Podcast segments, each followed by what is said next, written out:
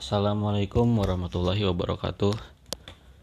Perkenalkan nama saya Fadli Fauzan Dengan NIM 1904975 Dari PKN 2019A Untuk pertama-tama saya minta maaf ya kepada para pendengar Karena saya sedang flu jadi Mungkin agak kurang keras atau bagaimana suara saya. Maaf, mohon maaf ya.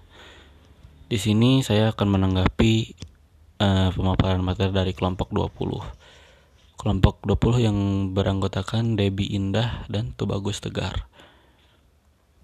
Dari segi teknis sudah cukup baik. Uh, mereka menyampaikannya dengan sangat jelas. Suaranya terdengar dan mungkin penyampaian bahasanya masih masih terlalu baku jadi sehingga sulit dimengerti oleh para pendengar. Mungkin itu saja yang bisa dikomentari tapi selebihnya sudah cukup bagus. Dari segi materi mereka membahas tentang chapter 20 yaitu standard earth and deliver yet another standards based framework and the ground level work of pre-service teacher education uh, yang membahas uh, dari apa yang saya tangkap bab ini membahas tentang uh, bagaimana kita uh, bagaimana kita bisa memahami faktor perkembang faktor perkembangan siswa. Nah, tentu dalam memahami perbedaan perkembangan siswa itu sangat penting agar si guru tersebut mampu menyesuaikan perkembangan setiap siswa uh, dengan standar yang akan dia lakukan lah. Uh, lalu tentu ya perkembangan siswa ini harus di diperhatikan oleh guru.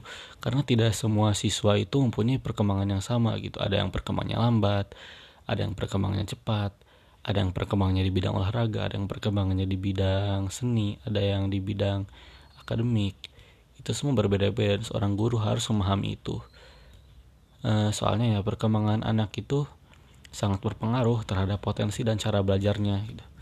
Lalu seorang guru juga harus memahami gaya belajar anak agar dia dapat memaksimalkan potensi potensi yang ada dalam anak tersebut. Lalu juga seorang guru juga harus memahami gaya belajar si anak si anak atau si murid tersebut uh, agar dapat membantu dalam proses belajar mengajar yang lebih yang tentunya lebih efektif dan efisien.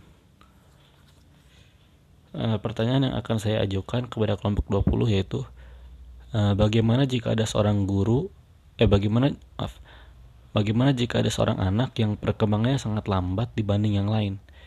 Apa yang harus dilakukan oleh seorang guru di dalam kondisi tersebut?